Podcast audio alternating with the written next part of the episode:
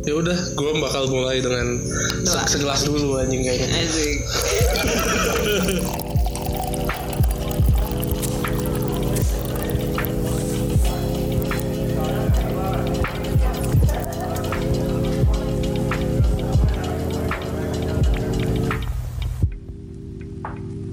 Halo sobat-sobat singkat sosok asik kembali lagi di Di di Mabui Podcast. Gue Gaza. Gua Ato. Batik. Gue Ting. Udah menunggu lama. Eh kita Apa? eh bu- bukan ini season 2 lupa ya. Episode 3 sayang. Oh iya kita udah Episode season dua. 3 episode 2. Nah, iya betul. Kemarin kita udah bahas tentang masa tua lah ya. Tua idaman. Masa tua idaman. Gambaran kita bakal kayak gimana nih setuanya. Tapi masalah masa tua idaman tuh tidak akan tercapai kalau kasarnya nggak ada duit. Iya, Oh. money, money, tik, Money, money, money, penting. Iya money penting. Iya gue tahu tapi tuh sakit-sakit tuh. Balik lagi. Duit itu perdebatan yang mana dari segitiga ini atas. Karena paling penting. Tukang beca bisa hidup bahagia tanpa duit anjing. Duit itu penting. Marah-marah. Apa Nah, itu duit? Nah, Tapi berhubung duit itu apa ya? Kita ap- usia-usia segini teh krisis lah ya kayak ada yang udah kaya, ada yang udah bisa beli mobil, ada yang apa. Tapi ada juga yang masih struggle gitu, Struggle. cari Hmm. kerja susah.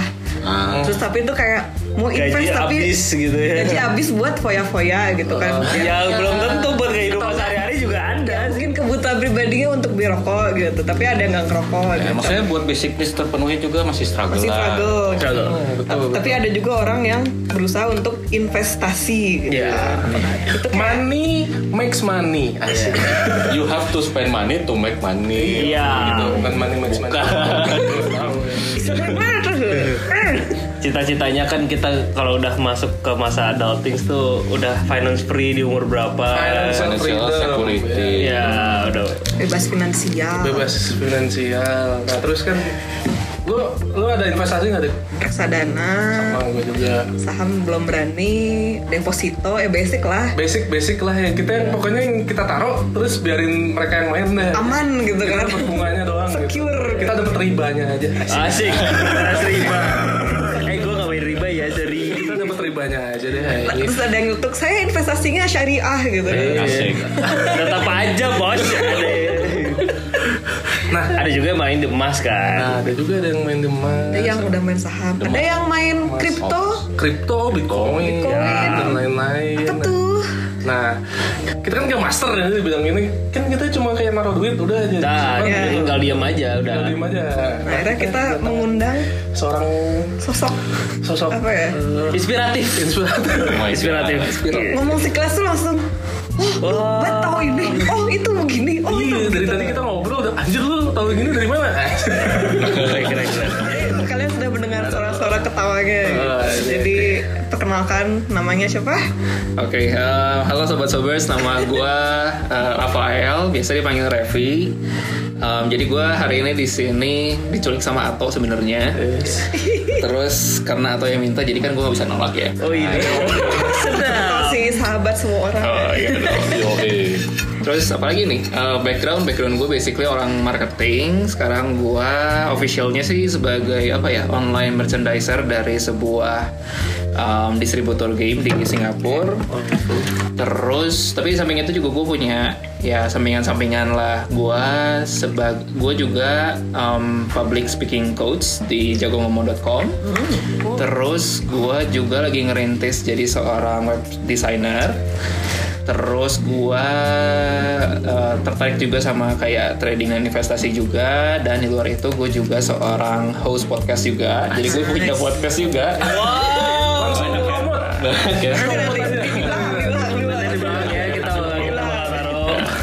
dari profilnya tadi high profile banget ya. Gila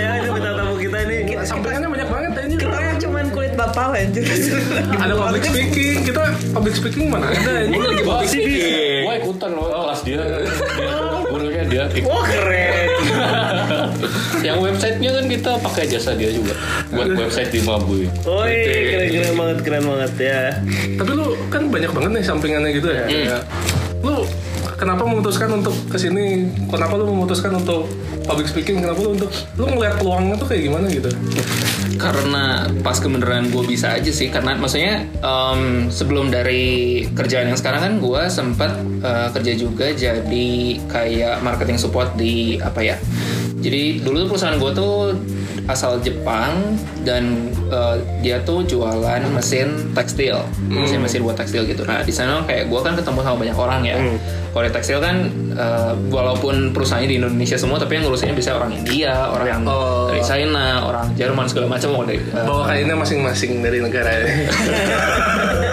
kayak gitu lah. Jadi kayak gue ketemu uh, orang dari berbagai, berbagai macam latar belakang dan sana gue menyadari, oh gue ternyata uh, bisa ngomong nih, Uh, gue bisa uh, apa ya, bisa gauge market dan segala macamnya gitu. Oh nah, da- dari sana kayak, oh berarti gue punya kelebihan di sini nih. Nah, gue cobain lah uh, masuk ke public speaking misalnya kayak gitu. Terus gue juga punya ternyata punya interest di um, uh, desain-desain grafis gitu. Walaupun gue sebenarnya nggak bisa gambar juga gitu. Cuman karena gue seneng ngeliatnya dan gue coba-coba, ya udahlah cobain aja gitu. Kayak lebih kayak gitu-gitu sih. Lebih intinya seneng coba-coba.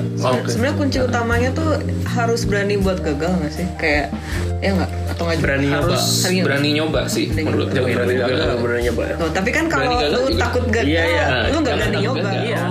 Harus berani nyoba. sama harus enjoy jalaninnya juga sih Hmm, betul Iya. betul. bukan kayak cuma oh gue pengen duit enggak tapi lo harus menikmati juga menikmati the process yes enjoy the Enjoying process. That's Asik. right. Betul betul. oke correct oke extremely good Nah, berarti kan uh, versus dari pertama-pertama tuh kan berarti lu ngelihat ada peluang nih di sini.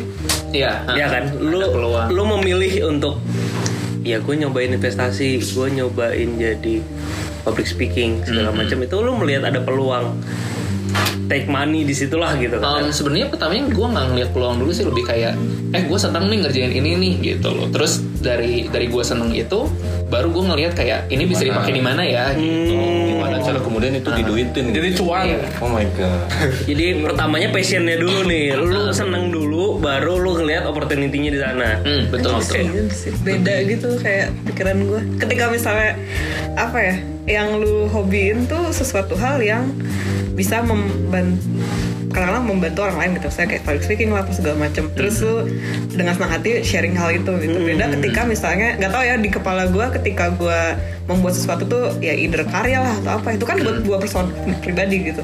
Nah terus ketika misalnya lu menguangkan tuh gue merasa kalau hal tersebut tuh akan membebani gue karena ada ada si duitnya itu gitu. Iya. jadi kayak betul. apa ya?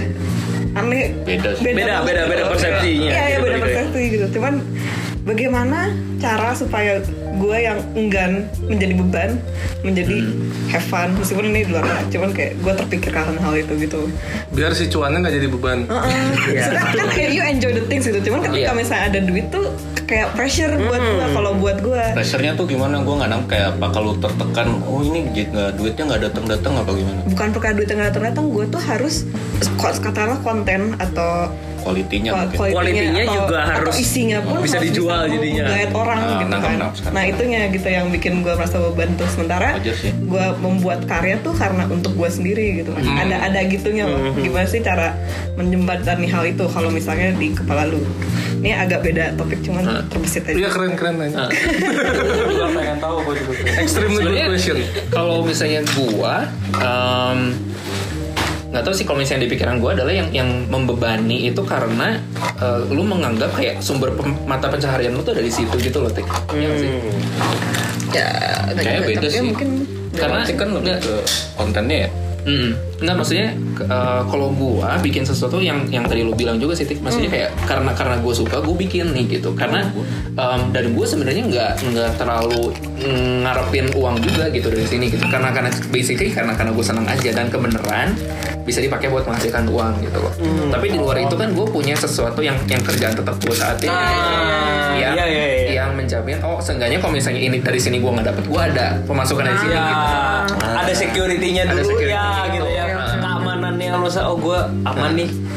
Minimal mau gue buat hari-hari mah ada lah. Ah, ya betul, kan? betul betul Ekstranya gue cari sesuatu yang bisa menghasilkan. Ah, ya mau menghasilkan syukur kalau enggak, Enggak, ya ya udah udah, gitu. yang penting gue happy aja jadi mungkin lu lu bikin konten ya lu lu suka-suka lu aja gitu kebayang kebayang Ya, kayak mungkin donasi gitu. gue tuh jadi mikirnya gue mah kepikiran tuh karena gue ada dua nih satu yang bersenang-senang terus satu lagi tuh yang jalan stabil gue gitu Hmm. nah karena gue ingin bersenang-senang dan mendapatkan uang sih yang stabilnya itu jadi jadi nggak jadi nggak fokus gitu gue kayak ada khawatir di situ tapi oh, oke make sense oke Hmm, hmm, keren. nice nice nice Baru nice. mulai udah jadi ini, Iya nih udah menginspirasi Atik. Jadi udah selesai nih.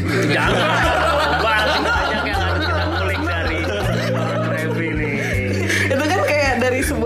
Ya cuman lu eh, apa sih banyak hal yang eh, lu coba gitu tentang instrumen investasi gitu kan? Ya Iya. ya bitcoin lah atau apa option terus kayak lah. option satu perguruan lagi. Gua kagak terus kayak Istilah-istilah yang yang tidak gue awalnya tidak mengerti gitu. kayak gi- gimana sih apa sih yang eh, bukan menginspirasi ya? Lu gimana sih cara lu nguliknya itu gimana? Nah, terus kayak tahu plus minusnya gimana sampai lu akhirnya ah gue coba ini deh Ya, kayak gitu. gitu. Pertama kalinya kepikirannya kapan, terus habis itu apa yang membuat ya itu tadi plus minusnya akhirnya lu memutuskan untuk lu ngambil basically mulai semuanya kayak gue sih kayak dimulai dari penasaran gak sih? Kayak eh gue pengen tahu tentang ini nih. Akhirnya gue cari-cari-cari.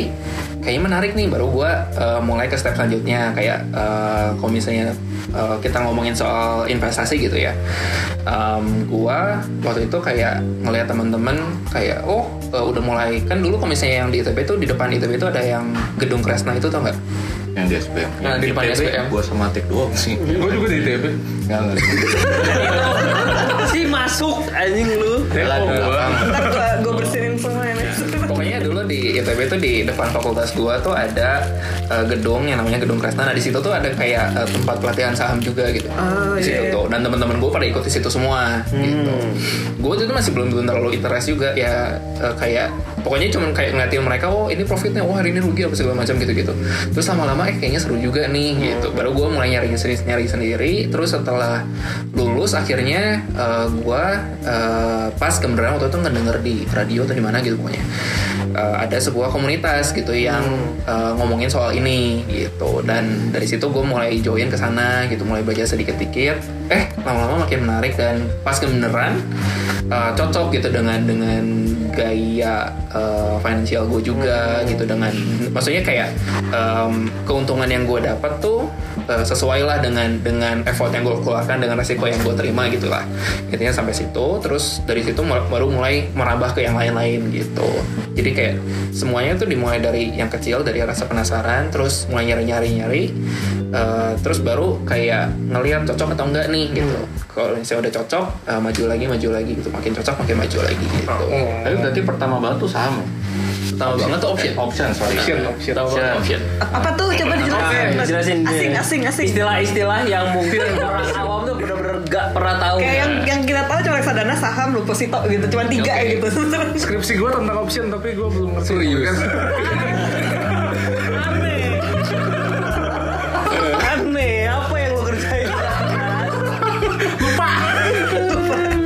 intinya option adalah derivatif dari saham gitu ya.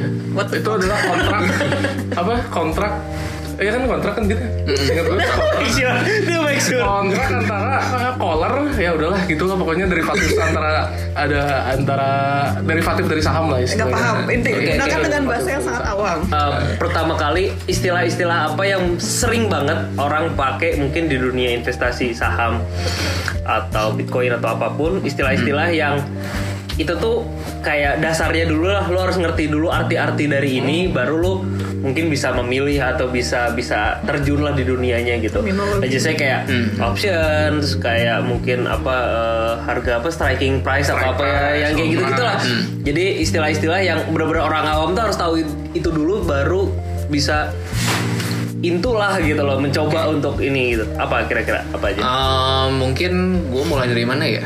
Uh, kalau misalnya ngomongin, mungkin mulai dari sini nih. Kan ada investasi dan ada trading ya, paling dasar nih. penting tuh. Um, basically investasi itu uh, dan trading itu dibedakan dari jangka waktunya. Kalau misalnya investasi cenderung lebih panjang, eh, lima tahun ke atas lah biasanya. Kalau trading itu cepat bisa dalam hitungan detik bahkan Oke. sebenarnya. Dan yang tadi yang option dimension itu yang eh, itu gua trading hitungan detik itu tuh eh menit kalau yang option yang yang tadi kita bahas itu. Nah basically eh, ini yang yang orang suka salah ngerti antara investasi dan saham ini. dan trading. Trading. Oh sorry, investasi dan trading ya benar. Udah malam soalnya. Ya, Iya. Nanti malam guys. Jam satu pagi. Wah, lagi. Kita nggak mabok. Bos, malam bos. Lanjut. Kita nggak mabok. Nah. BTW. Kita kan di, di investasi dan trading ini tuh masing-masing ada instrumen. Sebenarnya instrumennya tuh bisa sama sih, cuman tinggal perlakuan kita aja mau dijadikan investasi atau jadi trading gitu ya. Nah, em, ada orang, eh orang-orang tuh yang sering salah kaprahnya adalah mereka menjadikan invest eh, instrumen-instrumen yang sebenarnya cenderung untuk saham, eh untuk investasi, Investasi. Ah. Tapi dipakai untuk trading, trading. gitu loh. Oh, Oke. Dan Harusnya sebaliknya, lama, gitu. jadinya bentar, Nah, bentar. Jadi Atau- kayak eh, kayak misalnya reksadana gitu. Hmm. Ya. Reksadana kan eh, sebenarnya cenderungnya untuk eh, investasi kan, Investasi. gitu. Returnnya nggak nggak segede kayak saham gitu misalnya, tapi eh, cenderung lebih stabil. Gitu. Hmm. Tapi ya eh, profit marginnya lebih kecil gitu. Tapi orang ngarepinnya punya return yang sama kayak saham gitu. Nah kayak Ah. gitu-gitu loh yang yang orang-orang sering kayak oh ini nipu nih, oh ini eh, apa eh, scam apa segala macam Ya. lah gitu. Anggapan padahal sebenarnya kan itu buat disimpan buat dana pensiun misalnya buat 20 tahun ke depan gitu baru-baru kita tarik gitu kan. Nah, em, itu tentang investasi, Investasi dan, dan trading trading, gitu. Next. ya. Nah, terus mungkin term yang bisa dipakai di apply di semuanya. Oh, eh, ngomongin mungkin soal dari instrumen dulu kali ya. Instrumen yang tadi kan ada yang dari jangka panjang sampai jangka pendek gitu. Hmm. Nah, kalau misalnya instrumen instrumen yang kita kenal tuh sebenarnya banyak banget kan ada dari um, komoditas, misalnya komoditas yang kayak emas, minyak, gitu-gitu. Itu tuh uh, komoditas ini adalah instrumen yang uh, setahu gua sih cenderung paling stabil dan paling aman, Ya. gitu. Karena kecenderungannya uh, ya naik, naik gitu stabil. Walaupun pasti kan ada naik turunnya, tapi uh, tren panjang Trennya itu naik, naik. naik gitu ya. Nah, uh, kenapa bisa naik terus? Karena si komoditas ini tuh uh, bisa habis. Kalau misalnya kita ngomongin soal uh, hukum supply sama demand, intinya kan kalau misalnya um, supply-nya makin sedikit, harganya makin naik gitu kan. Nah ini juga sama gitu karena kan demand yang sama, supply-nya makin sedikit, otomatis harga makin naik. Nah, ah, ah, kayak gitu. Sebenarnya karena demand-nya makin naik sih, tapi supply-nya sama. Iya. Gitu. Ya kan? Karena supply-nya terbatas kan Iya. si emas tuh. Tapi kan eh, jumlah pemakaiannya makin naik makin naik minyak gitu juga kan Oh. sama gitu kan. Kalau komoditas, ya. kalau komoditas selain emas berarti kalau kayak barang-barang langka kayak lukisan gitu termasuk juga nggak? Kan biasanya orang-orang kaya kemudian beli lukisan mahal tuh, itu termasuk investasi.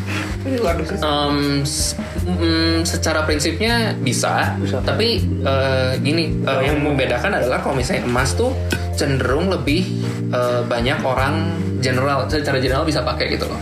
Kalau lukisan kan lebih kayak eh, niche market banget gitu. Nggak High-end. nggak banyak orang yang bisa ngerti kayak value-nya tuh lukisan tuh apa gitu. Kalau emas kan jelas gitu kalau misalnya bisa dari eh, ada maksudnya ada ada unit yang bisa dibandingkan secara universal gitu kan kayak dari beratnya, dari eh, karatnya gitu. Kalau misalnya lukisan kan lebih subjektif ya. Iya. Kalau misalnya art gitu gitu. Orang-orang yang mengerti aja lah kasarnya Ah, gitu ya. bisa gitu. Sebenarnya apa pun yang barang langka pun bisa jadi investasi kan kayak jam gitu kan bisa, lukisan bisa gitu gitu kan. loh. Selama eh, lo tahu gitu lo marketnya eh, value-nya tuh gimana Mana? gitu cara-cara Sekarang yang gue tahu yang lagi ngehits kan ngeborong sneakers ya. Ya, Mhm. itu jadi ada ada istilah kan dulu ya. Misalnya sekarang sekarang tuh kayak sneakers tuh bisa jadi satu apa ya bahan bahan tukar tukar gitu loh. Jadi jadi alat tukarnya nanti ke depannya gitu loh. Karena lu simpan sekarang, lu jual 10 tahun lagi. Kalau orang yang misalkan udah meninggal kayak gitu-gitu mau jadi naik gitu-gitu kan. Jadinya kayak David Bowie ngeluarin fans segala macam ya gitu-gitulah gitu kan. Edisi-edisi yang Tapi tetap itu tergantung taste itu subjektif juga. Iya jadinya jadi subjektif juga ya, maksudnya tidak tidak umum. Iya iya betul. Jadi saya selain selain emas yang bisa kita ya orang umum biasalah jual beli emas itu loh. Hmm. Oil emang bisa ya? Bisa. Bisa. Ada. Ya? Oil ada. Hmm. Nah, selain dua itu apa? Oil kan biasanya kalau mau naik orang-orang ngeborong bensin tuh ya. Oh iya sih. Bukan ini. bukan buat pemakaian ya kayaknya ya. Untuk ya. trading loh. Iya iya sih. Bentuk tradingnya tidak. Hmm. Oke oke. Selain itu apa lagi mungkin? Yang, yang gue tahu itu dua itu sih yang Dua itu ya. umum. yang lain mungkin ada yang kayak eh, logam-logam biasanya ada kayak silver gitu-gitu ada sih Oh, nah cuman yang yang paling orang eh, umum tahu ya, Ya, antara emas. sama minyak Kopi enggak ya? enggak biji kopi. Enggak sih. Biji kopi karena di Wine, wine, wine. Wine, wine. nah, kayak gitu-gitu Oke, next nah, mungkin itu kan komoditas. Heeh.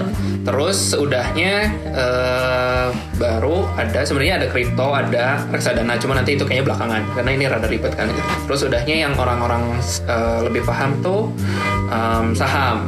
Ya. Saham, saham ini eh, sebenarnya setengah-setengah antar bisa jadiin investasi iya, bisa jadiin trading juga iya Ya, gitu oke. karena secara uh, volatilitas dia nggak sevolatil forex, tapi em, dia nggak sestabil komoditas juga gitu. Forex adalah Forex uh, pertukaran mata uang ya. Ah, iya. Kayak USD IDR, kayak itu kayak gitu naik turun kan. Ya, Foreign exchange. Foreign exchange ya. Nabung dolar. gitu. Nah, tapi eh, dia eh, si saham ini tuh bisa disimpan karena eh, dia tuh nggak ada em, expirednya si saham kan. Sama kayak komunitas juga nggak ada. Tapi kalau misalnya kayak nanti kita bahas forex kan ada. Forex tuh bisa expired gitu. Nah, em, kalau misalnya saham itu eh, dia tergantung kondisi ekonomi, tergantung kondisi perusahaan biasanya. Nah, em, jadi volatilitasnya nanti akan ditentukan dari sana gitu. Detailnya seperti apa? Kayaknya kalau misalnya dibahas sekarang nggak bakal beres tiga Iya, hari. kebanyakan banget. banyak banyak banget. gitu. Oke. Ya kalian bisa lihat di ini aja di Google gitu, terus lu cari saham apalah misalnya, terus lu lihat dari uh, year to date lah, itu kan pergerakannya kelihatan kayak gimana itu, terus berita-berita COVID masuk di situ semua kayak kemarin betul. apa misalnya kimia farma gitu, itu kan naik banget tuh, kenapa? Itu kan lagi vaksin, nah kayak gitu-gitu menentukan naik turunnya harga saham. Nah, betul, betul. Nah, sudah itu. Oh iya dong. kan alumni Alumni satu. Perguruan gue. Ini ada ada background di, di, off air ada obrolan ternyata mereka berdua ini Gaza dan bintang tamu kita ini satu perguruan guys. yang satu berhasil, yang satu lagi nggak Masih coba. Masih berjuang gitu. Oke, next mungkin setelah itu Nah, udah itu yang paling volatil yang orang-orang banyak eh, tahu sekarang tuh forex gitu si foreign exchange ini Iya. gitu. Dia pergerakannya eh, lebih ke arah pergerakan ekonomi sih yang paling itunya, yang paling mempengaruhinya ya. Iya. Nah, cuman kalau misalnya forex ini gue nggak tahu banyak juga karena gue nggak main sejujurnya si forex ini. Nah, di atasnya forex ini yang lebih volatil ini adalah option. Option itu apa? Yang tadi kita mention, option itu yang tadi Gaza bilang derivatif dari saham. Definisi benernya apa? Gue juga nggak tahu sebenarnya. Yang ben- ah, tapi yang jelas si eh, option ini, oh sorry, eh, option yang gue maksud adalah stock option ini sebutnya. Makanya dia derivatif derivatif dari saham. Nah nilainya ini eh, kurang lebih sekitar satu persen dari harga saham Oke. gitu. Jadi kalau misalnya uh, saham A gitu harganya 100 dolar per lembarnya. Nah, kalau stock option ini kurang lebih cuma satu dolaran gitu harganya. Oke. Pergerakannya dia ngikutin saham. Jadi kalau misalnya saham naik, option stock optionnya juga bakal naik gitu. Kalau misalnya uh, sahamnya turun, stock optionnya juga bakal turun. Nah, cuman uh, besar kecilnya naik turunnya uh, itu berdasarkan ada um, indikator, bukan indikator sih, uh, Metrik. metrik yang namanya delta kita bilangnya.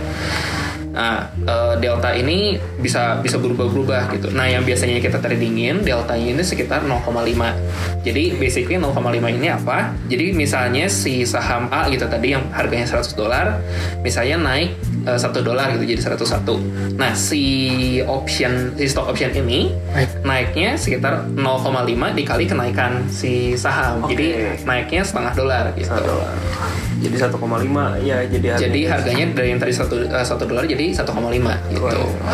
Nah, yang kita mainin tuh apa yang kita mainin adalah si marginnya ini. Kalau misalnya kita bandingin tadi kan, kalau misalnya si saham eh, dari 100 jadi 101 kan cuma satu persen naiknya. Iya.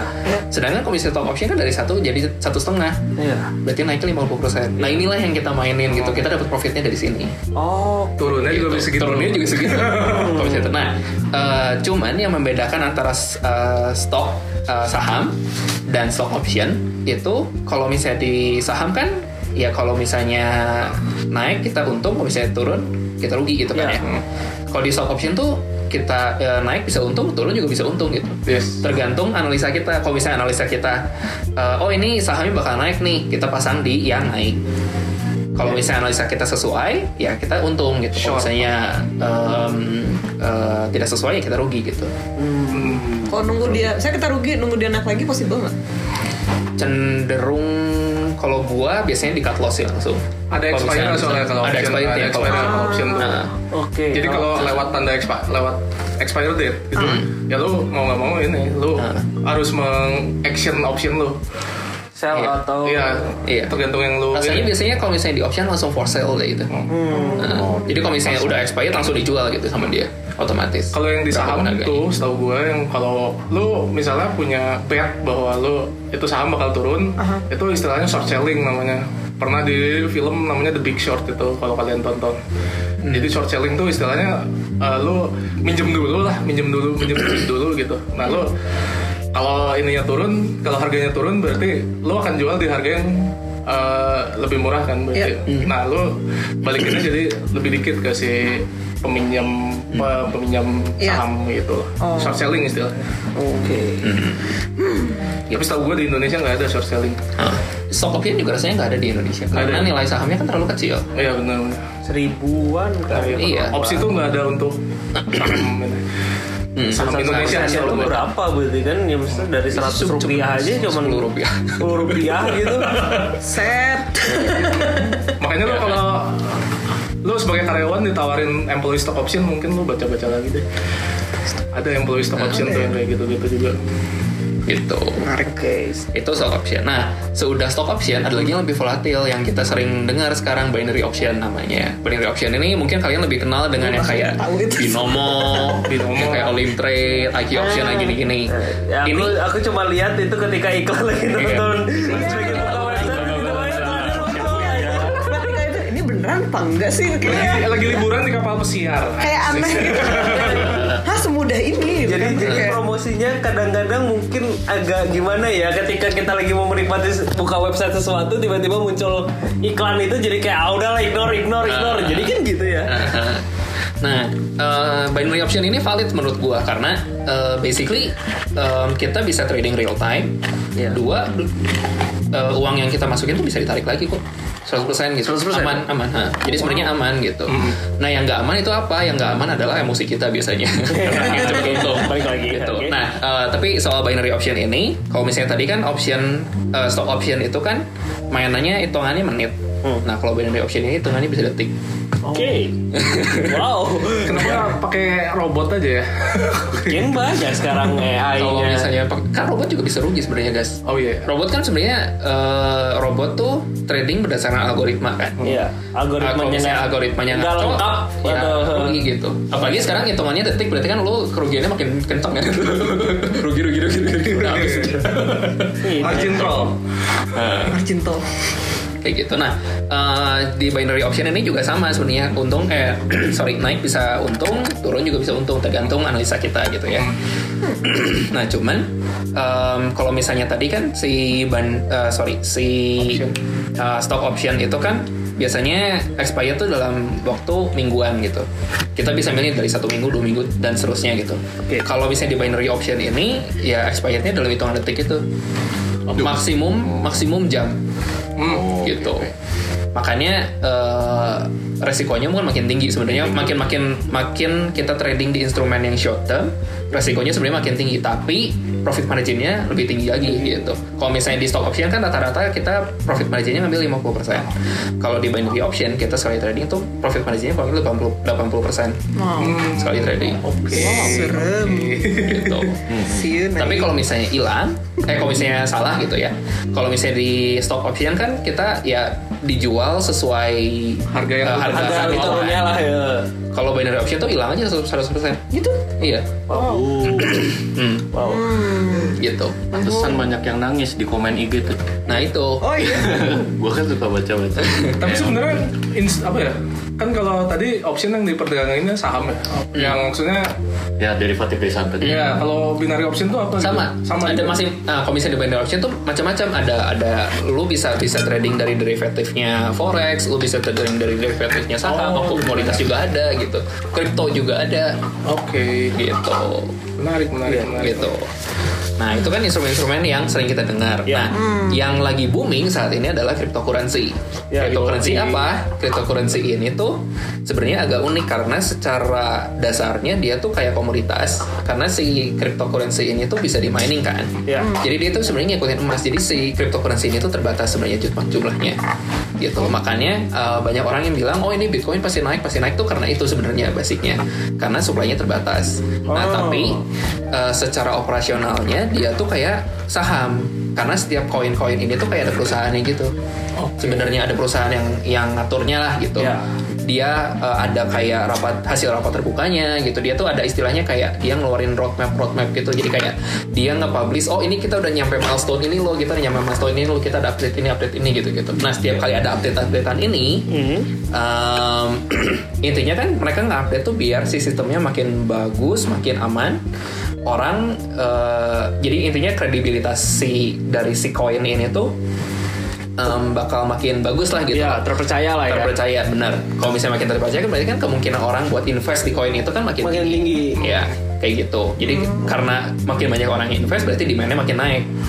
Kurang lebih kayak gitu. Supply-nya tapi terbatas gitu. Makin banyak orang yang nyari Iya. terus aja pokoknya kayak gitu, makin naik gitu. Ya kayak oil dan Ah, benar. Basically uh, sistemnya kayak gitu gitu. Nah, cuman ka- uh, dia lebih volatil dari emas karena ya ini, karena dia bergantung sama si operasional perusahaan ini kan. Kalau misalnya ternyata perusahaan yang nggak becus kan ya Ya. turun juga gitu Iya. loh. Makanya lebih lebih cenderung lebih volatil dibandingkan sama emas gitu. Ya jadi ada komoditas yang jumlahnya terbatas itu tadi tapi sifatnya kayak saham. Iya betul. Iya kan? Kayak ada gabungannya. Iya. Nah terus lagi, tapi cara peruntukannya tuh uh, lebih mirip kayak forex karena dia kan cryptocurrency, currency gitu loh, Iya. basically gitu kan uh, ada pertukaran uh, jual belinya juga gitu Oh loh. my god, so. Ini jadi kayak makanya kayak yang yang ma- masih bikin orang bingung buat nebak tuh ini karena karena volatilitasnya agak nggak jelas gitu. Ya. Makanya kalau misalnya gue pribadi lebih uh, sebenarnya sebenarnya kan karena karena gue kan lebih cenderung orangnya tuh trader ya. Uh, gua- Risk taker juga mungkin loh. Iya, em, makanya kan gue mainnya di di instrumen-instrumen yang eh, buat trading ya. kan, yang kayak eh, binary, yang kayak saham, yang kayak option gitu-gitu. Nah, cuman eh, kripto ini eh, walaupun sebenarnya kecenderungannya orang-orang tuh benernya buat investasi jangka panjang si kripto ini karena itu tadi kan karena kayak komoditas itu eh, emang kayak emang bakal eh, naik tinggi tapi dalam jangka waktu yang lama gitu. Iya. Cuman eh, saat-saat ini kan emang lagi volatil banget gitu Iya. Iya. eh, lagi menjulang tinggi gitu. Nah, kalau gua biasanya trading, kalau misalnya orang-orang trader yang di cryptocurrency itu biasanya orang tradingnya dalam hitungan harian gitu. Oh, oke. Jadi kayak ya kurang lebih kayak eh, sekitar tiga harian lah kalau misalnya trader bener ya daily traded gitu kan. Kalau misalnya gua biasanya cuman eh, eh, gua trading per tiga bulan Oke. gitu. Em, jadi gue cuma nyari eh, sah- eh, sorry eh, koin-koin yang eh, si development projectnya jelas gitu. Ketika mereka announce oh gue bakal development ini nih dalam jangka waktu sekian ke depan, nah gue baru masukin di situ. gitu loh. Sedangkan kalau misalnya em, orang yang daily trade kan biasanya cuma ngelihat kayak indikator, terus eh, lebih lebih ke arah technical. Oh ya nanti kita harus jelasin juga itu. Ya, baru ingat. Secara teknikal baru eh, eh, mereka makanya cuma melihat si, si grafik-grafik itu loh yang yang membingungkan Ah, itu. candlestick. Mereka berdasarkan itu aja gitu loh. Nah, em, kalau misalnya gua lebih ke arah yang fundamentalnya. nah, eh, technical dan fundamental analysis ini apa?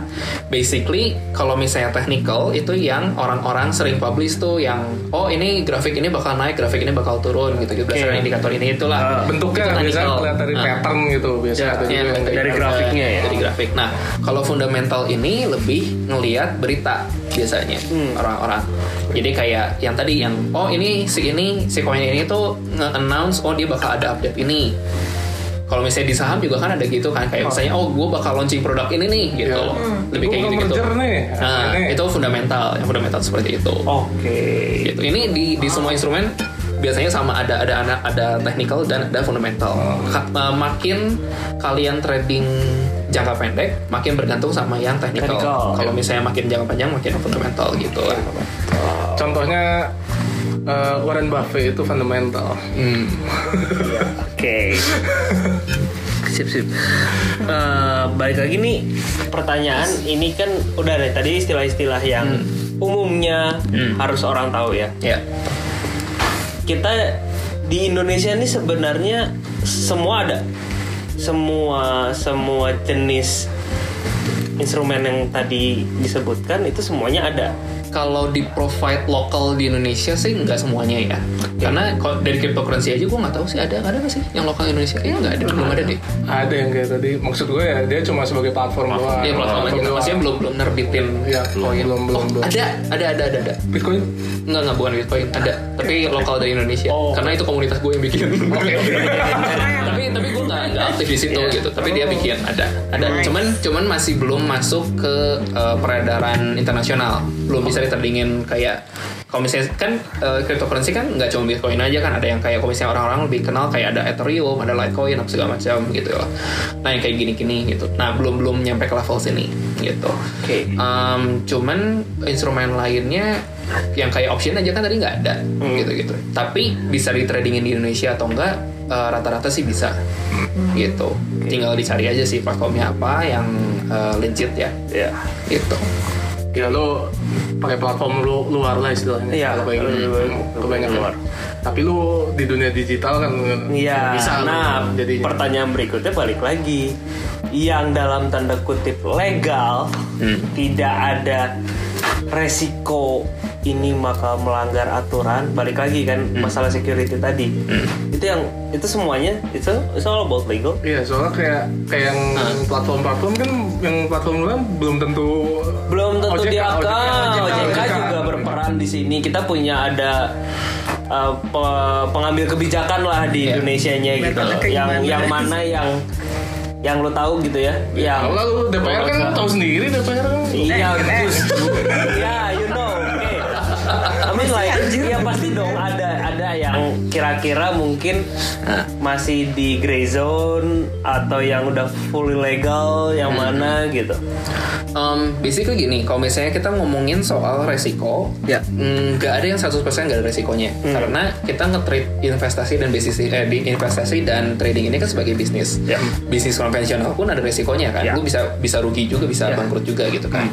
Jadi basically yang kalau misalnya lu nyari yang nggak ada resikonya ya udah nggak usah main lah di sini. Ya, gitu kan. oke. Eh, uang lu aman gitu. Ya lu taruh barang kas Taruh aja. di ya tabung aja di bank. Bank aja bisa bangkrut kan. Bang, ini bisa bangkrut Bank aja makanya balik lagi emas. Kalau mau emas, komoditas emas itu yang udah gitu. Nah, tapi eh, kalau misalnya masalah legal atau enggak, OJK atau enggak sebenarnya bahkan OJK eh, yang yang udah masuk OJK pun masih bisa bangkrut sih se- setahu gue Iya, ya. Maksudnya betul. resiko itu tetap ada gitu loh. Jadi gue sebenarnya nggak nggak gitu ngeliat antara OJK atau enggak. Balik lagi ke em, cara kita ngatur aset kita aja sih. Jadi kayak mau instrumen apa pun em, kita harus punya apa ya punya sense sendiri lah gitu kita bisa eh, kita sanggup meresikokan uang tuh seberapa banyak sih dari dari penghasilan kita gitu dari dari aset kita. Jangan karena pengen cepet kaya kita 100% nya di eh, Masukin, resikokan gitu ya, loh ya. kalau misalnya yang gua tahu eh, waktu itu sempat ngobrol sama siapa ya gue lupa seseorang lah pokoknya jadi dia tuh salah satu yang lumayan ahli di financial planning juga idealnya adalah uh, uang yang lu mau masukin buat investasi buat pokoknya buat mainan aneh-aneh lah gitu itu maksimal 20% dari penghasilan Oke. Oke. gitu ya dan uh, sebisa mungkin uh, uang ini walaupun uh, ini misalnya lu punya uang 20% dari penghasilan kalau misalnya lu merasa uang ini lu butuh ya jangan gitu. Sebisa mungkin uang ini tuh uang dingin gitu. Uang eh, uang diem. uang dingin Uang ini lupa tuh uh, Ya, uang lupa ya. sebenarnya nah, maksudnya bukan berarti gue nggak nggak gitu setuju sih dengan istilah uang lupa gitu. Karena uang itu Tetap ada karena lu tetap pasti pantau harus kita pertanggungjawabkan gitu loh kalau misalnya kita nggak tanggung jawab kan kayak ya udah jadi kayak eh, ya kita investasi nggak ada hasilnya gitu Iya. biasanya hasilnya kayak gitu tetap harus kita pertanggungjawabkan cuman seenggaknya selama enam bulan ke depan tuh kita nggak bakal pakai uang ini Ya jangan lu otak-atik lah. Eh, Iya. Maksudnya kayak jangan sampai uang apa ya uang kos itu lu pakai buat kayak gini-gini gitu ya kayak uang-uang yang esensial buat kehidupan lu sehari-hari jangan dipakai buat uh, Aduh, disekolahkan aku gitu. tapi buat nabung ya itu kasih. Ya, kayak gitu. Iya. Lebih lebih kayak gitu sih. Jadi kayak OJK OJK atau enggak gue nggak gitu peduli sih sejujurnya gitu Iya. karena ya itu tadi gitu mau OJK mau enggak kan resikonya tetap sama sebenarnya gitu cuman antara em, udah dapat izin resmi atau belum gitu. Gitu loh kalau misalnya kita ngomongin yang udah OJK atau belum biasanya yang kayak option-option pasti belum karena eh, secara untungnya eh secara profit marginnya itu gede banget kan Iya. di luar aturan OJK gue lupa aturan OJK tuh berapa gitu profit margin itu tuh kalau yang kayak reksadana gitu rasanya udah yang kayak bibit Iya. gitu gitu itu rasanya udah saham apa eh, Indo, Indo In- iPod Fund Indo Premier. gitu gitu udah rasanya saya ingat gue gitu Wow. Kalau yang penghasilan yang dapat dari investasi itu kan tetap subject to tax kan. Iya. Tapi kalau eh, ya apa? Yang misalnya kalau yang lu kan ya, sahamnya saham luar, itu dihitungnya penghasilan dalam negeri atau luar negeri? Gua sejujurnya nggak gitu ngerti sih cara ngitung sahamnya. Gue biasanya kayak eh, dikasih ke agen, eh, bukan agen apa? Ya agen-agen pajak. Oh. Nah, kan kebetulan eh, keluarga gue ada ini agen pajak sendiri gitu. Kurang. Kok jadi sirik? Ya, Ya ini orang kan yang orang mengelola pengelola pajak Pengelola kita pajak. kita kita Pajak ada kita duit masuk berapa lu kalau laporin ke dia dia yang ngitung Oh dia yang ngurusinnya gitu. Iya. Wow. Tadi, tadi gue nanya mikirnya kalau misalnya yang tadi kan eh, kalau masuknya penghasilan luar negeri berarti kena taxnya tax dari negara asalnya. gitu. Ya gue nggak tahu sih karena eh, biasanya kan gue udah list aja itunya kan si apa namanya penghasilan gue dari sini sebulan berapa berapa berapa, berapa terus eh, udah aja dikasih ke dia gitu laporannya gitu ini dari mana dari mananya lagi. gue cuma cuma tahu pokoknya gue Ya, harus bayar pajak per tahun segini aja kan Ya, gitu. Nah, itu penting tuh. Iya. Agen pajak tuh. Iya. Tapi tetap harus bayar pajak ya? Ya penting itu. penting. Ah, balik lagi. Nah itu pertanya- muncul pertanyaan jadi kalau lu pemasukan ini let's just say lu nggak punya ya misalkan orang yang ngurusin pajak lu. Nah, lu, lu tahu nggak gimana caranya? Ini Ya, apakah ini jadi pemasukan yang harus dicatat kah harus Harus dong. harus kan Harus. Iya. Berarti lo masukin ke SPT lu. Iya, nah dimasukin ke SPT. masuk Masukin ke Ada- SPT di kan. FPT kan ada penghasilan lain lain Iya. nah masuk ke situ Bunga itu juga kena tax loh. Bunga bank gitu. Iya, Iya, juga. iya. Harus harus tahu. Iya kalau misalkan ya misalkan kita naruh di bank puguh dia tahu gitu ya gitu. Ini kan secara digital gitu kan. Mostly kan digital gitu ya. Dari Kecuali- luar gitu maksudnya. Iya, maksudnya dari luar negeri juga. Terus habis itu kayak ya forex gitu kan kecuali forex ya mungkin forex kan kita bisa pegang cashnya gitu. Atau atau formatnya sebenarnya gimana sih kalau forex balik Forex itu sama kayak trading online kayak gitu. trading. sama trading online ini jadi sebenarnya based onnya sebenarnya data data aja yang kita pegang kan nggak bukan cash kerasnya gitu yang kita pegang Tapi ya gua, gua tahu kayak kalau misalnya kita contoh kalau gua kan reksadana gitu ya, itu tiap tiap bulan bakal dikasih Iya, itu ada- juga ada catatan laporannya. oh, oke Kayak kita naruh duit berapa, terus dapat berapa gitu. ya, ada resmi. yang kewajiban kita bayar pajaknya pun juga dikasih tahu di situ Kalau itu gua nggak. Oh. Kalau itu Saya- nggak. Kebetulan reksadana itu bukan objek pajak, setahu gue. oh, oke nah itu yang Iya, gua- kok. rasanya Ada masuk masuk masuk Masuk gitu? masuk Enggak, tapi maksud gue, lu masukin ke penghasilan tapi dia nggak dipotong pajak reksadana tuh. masuk masuk. Enggak cuy. Enggak. Enggak, enggak. Cuma buat laporan. Buat laporan doang. Oke. Setahu nggak gue. tahu. Setahu Takut. gue. dilaporkan tapi tapi dibayarkannya enggak gitu ya Gue belum Nggak nggak jadi subjek pajak. Ya, Ya, tetap harus laporin. Tetap harus laporin, Buat tapi bukan objek catatan pajak. harta kan. ya Oke. yang gitu-gitu tuh yang gue banyak yang nggak nggak nggak ngertinya gitu ya karena soal buat digital kan kadang-kadang kita jadi digital Menarik kan sobat sobers? Oke kita break dulu ya di part satu ini soalnya masih panjang nih. Seru. Seru. Siapa yang gak suka uang? Eh, Wah, seru banget. Udah ngomongin instrumen investasi, ngomongin terminologi-terminologi, Tentang bayar pajak juga. bayar pajaknya, terus legalitasnya sempat disinggung-singgung. Tapi sebenarnya kita pengennya ngobrolnya lebih dari ini ya, Ah, Yes. supaya kita nggak membosankan juga dan nggak terlalu panjang nggak terlalu panjang, nggak inilah nggak aneh-aneh lah. ah. biar kalian bisa nyerap dulu nih. Ah. Jadi kita kasih dua minggu buat kalian belajar dulu nih untuk ke episode berikutnya, betul nggak? Tentang apa tuh? Financial planning. Iya betul. Mantap.